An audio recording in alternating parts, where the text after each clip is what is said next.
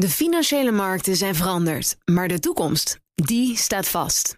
We zijn in transitie naar een klimaatneutrale economie. Dit biedt een van de grootste investeringskansen van onze generatie. Een kans voor u om mee te groeien met de klimaatoplossingen van morgen. Meer weten? Ga naar carbonequity.com.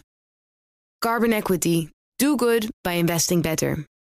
En adverteerders hebben Facebook massaal de rug toegekeerd. Betekende ook een keldering op de beurs. Dat en meer in het beleggerspanel van BNR Zaken doen. Daarin zit vandaag Wim Zwanenburg, beleggingsstratege bij Stroeven Lemberger. Reinder Wietsma, portfolio manager bij IBS Capital Management. En mijn zakenpartner is Aukje Kuipers, algemeen directeur van Kuipers. Welkom allen. Goedemiddag. Ik ben met name benieuwd naar Reinder. Hij is er ook, want hij is van een afstandje. Um, laat ik ook bij jou beginnen, want de eerste vraag is altijd wat je laatste transactie was. Zeg het maar. Ja, uh, we hebben gisteren een uh, stukje van onze positie in Adyen afgebouwd. Het is een uh, goede performer geweest dit jaar. En zo af en toe hoort het er dan bij om het ook iets terug te brengen weer in lijn. En we hebben daarvoor Constellation Software, ook een portefeuilleonderneming van ons, weer wat, wat opgehoogd. Hmm. Ja, we lopen misschien een beetje voor, vooruit op de feiten, maar Wirecard stond uiteraard ook nog op het menu van dit beleggerspanel. Wirecard en Adyen worden heel veel in één adem genoemd, want als de ene concurrent, laten we zeggen Wirecard, het lastig heeft, dan zou dat er ook nog weer positief kunnen werken voor Adyen. Of zie je die directe relatie niet zo? Nou, die, die zie ik niet zo. Um, wat mijzelf, dat is meer een ervaring die ik zelf had uh, anderhalf jaar geleden, dat er een investor day van Adyen was. En toen vroegen we ook naar, Wirecard en of ze die ook als concurrent zien. En toen was de reactie, ja, het is wel grappig dat jullie in de financiële industrie altijd vragen naar Wirecard, maar, wij zien ze nooit. Uh, of wij komen ze bijna niet tegen. Um, nou, dat bleek achteraf voor good reason, want er was een hoop minder van Wirecard dan Wirecard vertelde dat er was. Um, maar kijk, Adyen is er absoluut niet blij mee aan zichzelf, omdat het ook meer regelgeving kan betekenen in, in de sector. Uh, maar het is niet zo dat er heel veel bedrijven nu direct zullen overstappen van betalingsprovider naar Adyen.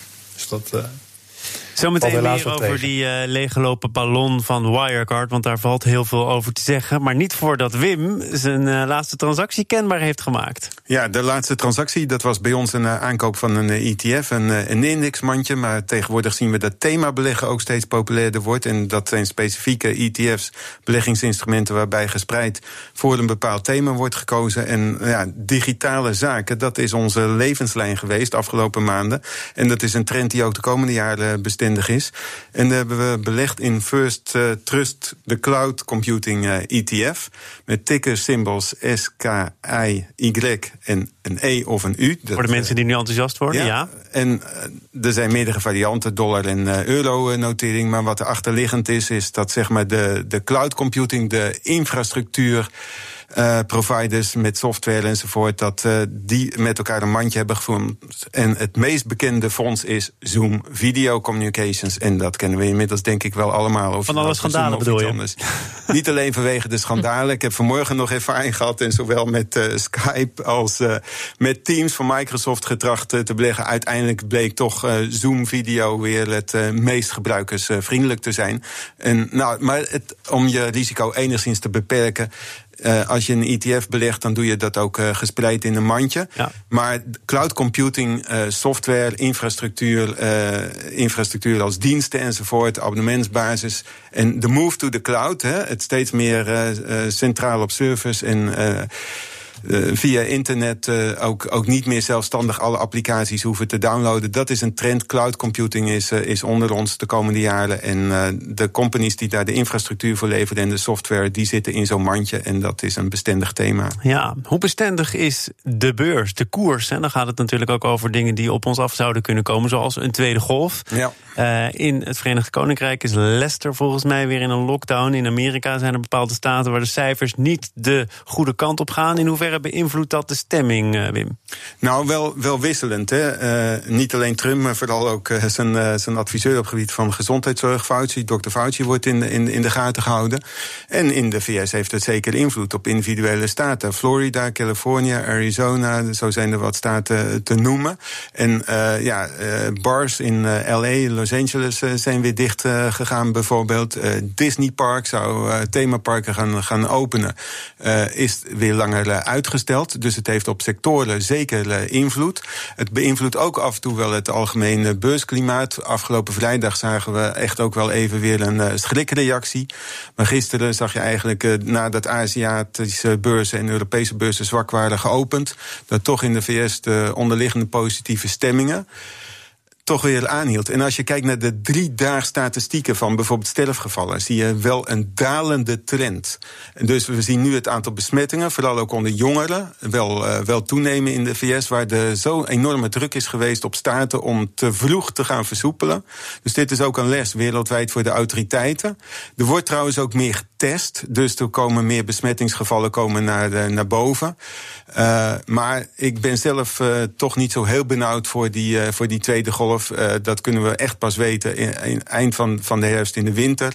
Het zal eerder nu, denk ik, een partiële lockdown zijn. Ja. En ja, waar te snel versoepeling is toegepast. Uh, Reinder, ik wil met jou naar een, een ander onderwerp. Een veelbesproken onderwerp wereldwijd, omdat het ook een wereldwijd impact heeft. Namelijk Facebook. Dat verloor afgelopen week ruim 8% aan beurswaarde. Omdat adverteerders, bekende adverteerders zoals Unilever en Coca-Cola, het bedrijf, de rug toekeerden. Inmiddels geldt dat voor heel veel meer bedrijven. Um, ja. Ja, dit is een heel open vraag. Maar wat is daar precies aan de hand en, en welke rol spelen die adverteerders erin? Nou, het platform Facebook wordt door zeer veel mensen um, ja, en in Amerika is er een enorme polarisatie natuurlijk ook aan de gang, net als eigenlijk ook in, in Nederland. Um, er is een groep uh, die zich verenigd heeft, die eigenlijk adverteerders oproept om niet meer te adverteren op Facebook. Uh, omdat ze naar hun mening Facebook te weinig doet om hate speech en om, om nou, de verkeerde content uh, ook snel van het platform te verwijderen. Uh, en er zijn een hoop adverteerders die zich daarbij hebben aangesloten. Die hebben aangekondigd om of voor het jaar of voor de maand juli uh, niet meer te adverteren op Facebook en ook op Instagram. En uh, ja, zo eigenlijk een vuist te maken tegen, tegen Facebook als ja. bedrijf. Het, het lijkt een klein beetje te werken, want Zuckerberg was altijd van het adagium hands-off. Ik bemoei me daar eigenlijk niet zozeer mee, maar hij heeft natuurlijk al een paar keer ook een beetje moeten toegeven aan de publieke druk. Uh, volgens ja. mij heeft hij gezegd dat hij meer context wil toevoegen aan de berichten die politiek gevoelig kunnen liggen. Er wordt strenger gelet op ja. haatzaaien. Um, eind goed al goed, of zijn die adverteerders waarschijnlijk nooit tevreden? Nou, nou ja, kijk, de, maatschappelijke normen zullen continu uh, blijven veranderen. En ook um, ja, wat, wat nodig is op welke momenten. Um, het is even geleden begonnen toen, toen Twitter uh, tweets van Donald Trump ook labelde als, als gewelddadige content of ze onzichtbaar maakte. Um, Facebook kiest er heel bewust voor om dat niet te doen. Is ook ja, ontzettend lastig om dat continu goed te policen. Uh, komt natuurlijk ook uit het Witte Huis een hoop bijzondere content. Um, maar adverteerders, ja, die, die hebben zeker een, een, punt op heel veel vlakken. En dat zal ja, een continue ontwikkeling zijn tussen wat adverteerders willen en wat het platform toe zal laten of niet. Wim? Ja, adverteerders zijn natuurlijk benauwd voor een echo van het Cambridge Analytica-schandaal. Dat was bij de vorige presidentsverkiezingen. En dat het platformonderwerp weer opnieuw wordt van controverse, van, van beïnvloeding. En dat is natuurlijk extra gehyped door de discussie van de afgelopen twee maanden. De discussie over discriminatie en, en racisme. En uh, haatzaaien via de digitale platforms. En er is Facebook en Twitter zijn er natuurlijk niet de enige in. En kijk maar eens in Nederland bijvoorbeeld, als je naar nu.nl en de reacties uh, daaronder kijkt. Hoewel de platforms wel inmiddels software. Nou, nu.nl heeft bijvoorbeeld gezegd: klimaatverandering, ja. daar gaan wij niet meer een open discussie over voeren. Nee. Dat is een feit dat we gewoon voor waar aannemen. Ja, maar ja, ook, ja, maar goed, ja, dat, is, dat is, ook een vorm van, censuur. Ja, klimaatverandering is waar. Maar welke maatregelen je treft om klimaat, effectief klimaatbeleid te voeren, daar kan je wel discussie Tuurlijk, over, zeker. over hebben. En ja, zo is het natuurlijk toch allemaal wat, uh, wat, wat grijs. Uh, ja, er werd net al uh, op, op, op geduid. Uh, Trump is een, een, een bijzondere factor. Dus ik denk eerlijk gezegd dat een aantal adverteerders sowieso al had gezegd: van dit najaar blijven we even weg in deze context. Om ook niet al te partijdig over te komen. En dan is er nog eens een keer een extra aanleiding. Zuckerberg heeft zich inderdaad wel, zeg maar, nu wat responsief. hij heeft er natuurlijk gewoon schade onder geleden. En je zag afgelopen week, vrijdag, ging die koers zo'n 7,5, 8 procent onderuit. Gisteren enigszins in herstel. Year to date staat het aandeel toch nog steeds in, in, in de plus. Nou, precies, want het, niet zo heel erg lang geleden was er nog sprake van het, een all-time high, of in de buurt van een all-time ja, ja, high. Dus, dus hoe, ja. hoe, ja, Reinder, hoe, hoe schat jij dan die koersdaling in? Is dat een harde afrekening of valt het eigenlijk wel mee? Nou, voor wat er echt gebeurt is dat een zeer harde afrekening. Maar dat heeft meer met het platform Facebook te maken. er zijn meer dan 8 miljoen adverteerders wereldwijd. Um, en ik heb meer, meer dan 70% van de gebruikers van Facebook komt niet uit Amerika of Europa.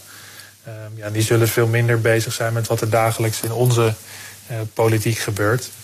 Um, en ook de, de grootste, het is heel anders ook dan bij bijvoorbeeld radio of televisie, waar de 100 grootste adverteerders ook vaak 60, 70 procent van het budget zijn. Uh, bij Facebook zijn de 100 grootste adverteerders aan maximaal 10 procent van het totaal. Dus het is veel meer veel disperser en ook veel groter dan de lokale issues die er overal spelen. Ik heb natuurlijk gelijk gekeken ook van wat zou de analist op Wall Street zeggen over deze bewegingen. En er wordt een maximaal in effect ingeschat van 3% van de omzet in het derde kwartaal. Dus dat is eigenlijk heel, eh, heel bescheiden. En de onderliggende trends, en ja, daar kan je van alles van vinden. De macht van de grote platforms die eigenlijk alle andere media zowat leegzuigen. Het businessmodel van Facebook is natuurlijk gesteund op het advertentiemodel. Dat ze daar heel veel naar zich toe trekken. Die onderliggende beweging is er nog steeds. Afgelopen jaar heeft Facebook wel extra heel veel investeringen gedaan in, eh, in, in privacy en ook inderdaad in maatregelen om die hate mail en dat soort zaken wat tegen te gaan. Dat heeft wat druk op de marge gezet. Maar als je kijkt naar de omzetontwikkeling, die is nog steeds fenomenaal. Het heeft eigenlijk geen effect, zeggen jullie. Een zeer beperkt effect en tijdelijk. Het veroorzaakt natuurlijk ook weer veel publiciteit enzovoort. En sommige merken kunnen er even goede sier mee maken. En je hebt, je hebt gezien eigenlijk dat eh, de, de grote consumentenmerken hebben zich eerst wegbewogen uit de discussie. Maar bijvoorbeeld Nike, die heeft zichzelf positief gepositioneerd. Ook met een aantal uh, zwarte atleten bijvoorbeeld. En ja, hebben daar ook uh, nou ja, voorsprong mee gehad in de publieke opinie. Zaken doen. Het beleggerspanel is aan het woord en dat bestaat uit Wim Zwanenburg, beleggingsstratege bij Stroeve Lemberger, Reinder Wietsma, portfolio manager bij IBS Capital Management en mijn zakenpartner is Aukje Kuipers, algemeen directeur van Kuipers. Het kwam al even ter sprake, het schandaal rondom het fintechbedrijf Wirecard en het is ook nog lang niet afgelopen. Het bedrijf heeft nu uitstel van betaling aangevraagd um, en het draait om een boekhouding waar van alles op is aan te merken en een accountant die misschien ook wel beter had kunnen weten. Maar dan wil ik eigenlijk beginnen op een ander punt. Namelijk het feit dat twee derde van de inkomsten, naar men nu kan inschatten, verzonnen zou zijn. Nep. Uh, en ik kwam een stuk tegen waarin ook werd gezegd: ja, Wirecard moest wel. Want op een gegeven moment dan zit je in een groeipatroon. En dan wordt dat ook door beleggers verwacht. Je moet die beleggers maar eens kunnen teleurstellen. Dat kan eigenlijk niet. Living up to expectations. Um, Reinder, ja, beleggers zijn hier allemaal de schuldigen van. ja, nee, dat, uh, spijt ons zeer. Um, nee, dat is natuurlijk een beetje de, ja, het paard achter de wagen. Want wat er gebeurt is dat management doet beloftes aan beleggers. En beleggers kijken, ja, houden het management eraan. Uh, maar first en foremost is natuurlijk het management die allerlei beloftes heeft gedaan. En daar continu ook een schepje bovenop wilde doen. Het is nog maar een aantal geleden, weken geleden dat ook de, de CEO van Wirecard zelf tweette van nou, als het stof allemaal is neergedaald, dan maken we nog steeds heel veel winst en verwachten dat het allemaal nog hartstikke goed gaat. Um, dus ja, maar zit, zit er, zit er even, want ik, ik, snap je punt en het was ook te, te, zwaar aangezet, maar zit daar een kern van waarheid in dat die bedrijven dus uh, zelf echt wel weten dat er van alles niet klopt aan de boekhouding, maar dat dat voor de buitenwereld nauwelijks te verkroppen is, dus dat je in vreemde bochten gaat wringen? Ja, of ze zaten met een hoofd in de wolken in de cloud, hè, wat we net hebben gehoord. Dat zou ook nog kunnen. Dat zou ook nog kunnen. Meer in het algemeen. Deze fraudecase is heel bijzonder en uniek. Maar meer algemeen is er natuurlijk een soort kwartaalcijfercyclus. Uh, waar wij ook aan meedoen. Waar bedrijven elk kwartaal weer zeggen van nou dit gaat het worden. Uh, en dit zijn onze verwachtingen voor de komende drie maanden.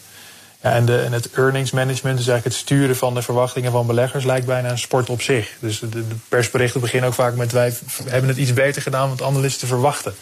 En dat creëert een hele korte cyclus waarin iedereen achter elkaar aan aan het lopen is. En wat meer de, de focus verliest op de lange termijn. Ik denk in het geval van Wirecard was het zo excessief en ook zulke hoge growth rates.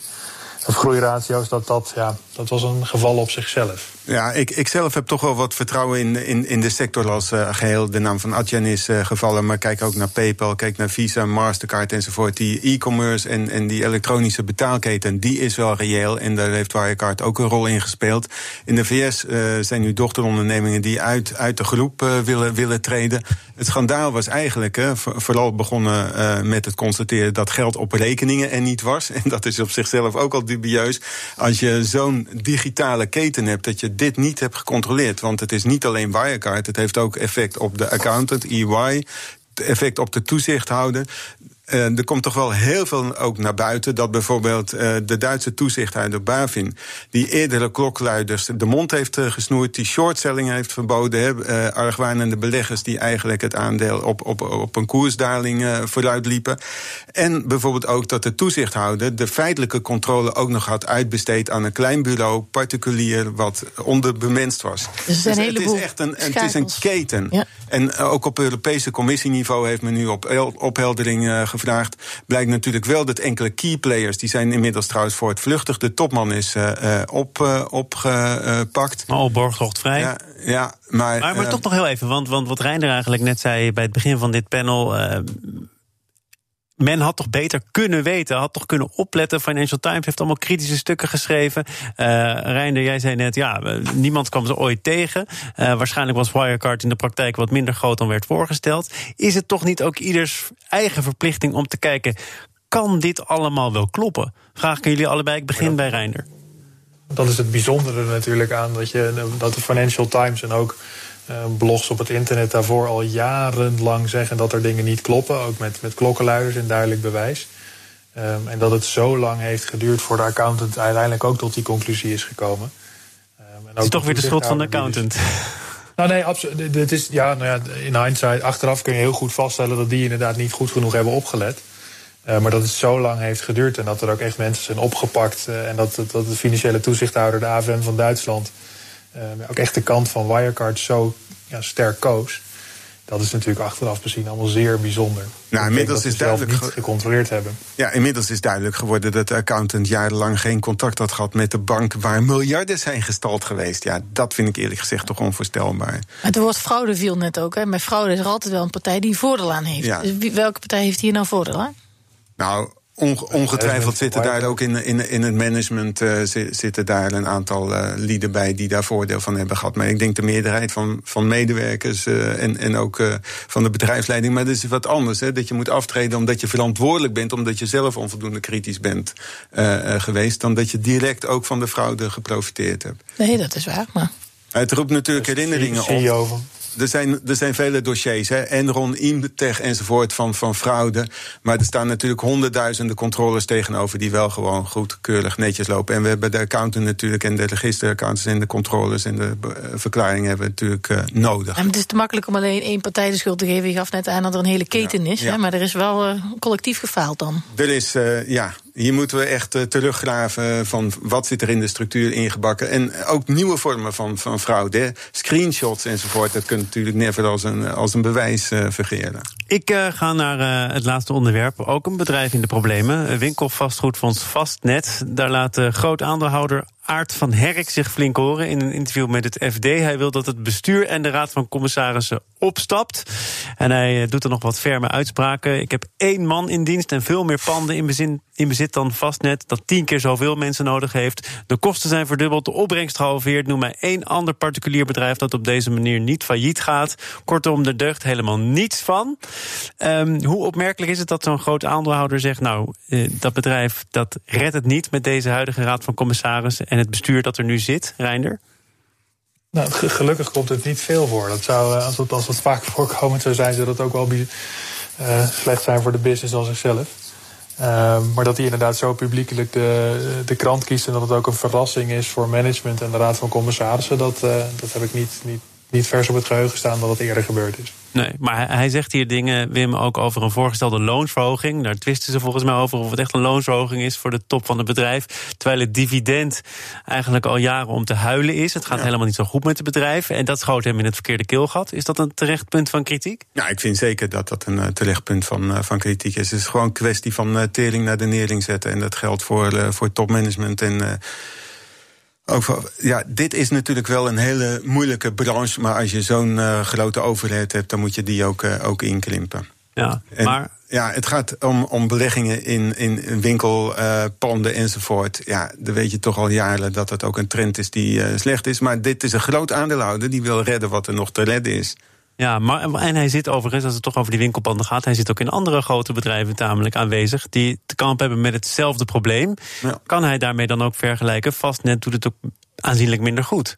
Uh, kan die zeker vergelijken, maar hij ligt zijn pijlen hierop vast net, omdat dat ook een publiek uh, beursgenoteerde onderneming is. Dus daar kan hij makkelijker de publiciteit over, uh, over zoeken. En hij zal waarschijnlijk achter de schermen zijn invloed aanwenden bij die andere ondernemingen en beleggingen. Nou, wat wil hij hiermee? Want er wordt ook nog gefluisterd van ja, als je zoveel vermogen hebt als deze heer, dan kan hij het zelf kopen, dan kan hij het van de beurs halen. Ja, kan er van dat heb ik ook gehoord en dat daar wat fiscale drempels zijn. Maar dat zou inderdaad goed, goed kunnen. En ja, kritiek uh, dat andere beleggers wegvluchten en de koers nog verder onder druk komt. En dat hij daarmee uh, op een lager niveau uh, mogelijk alles kan verwerven. Dat zou uiteindelijk ook nog heel goed kunnen.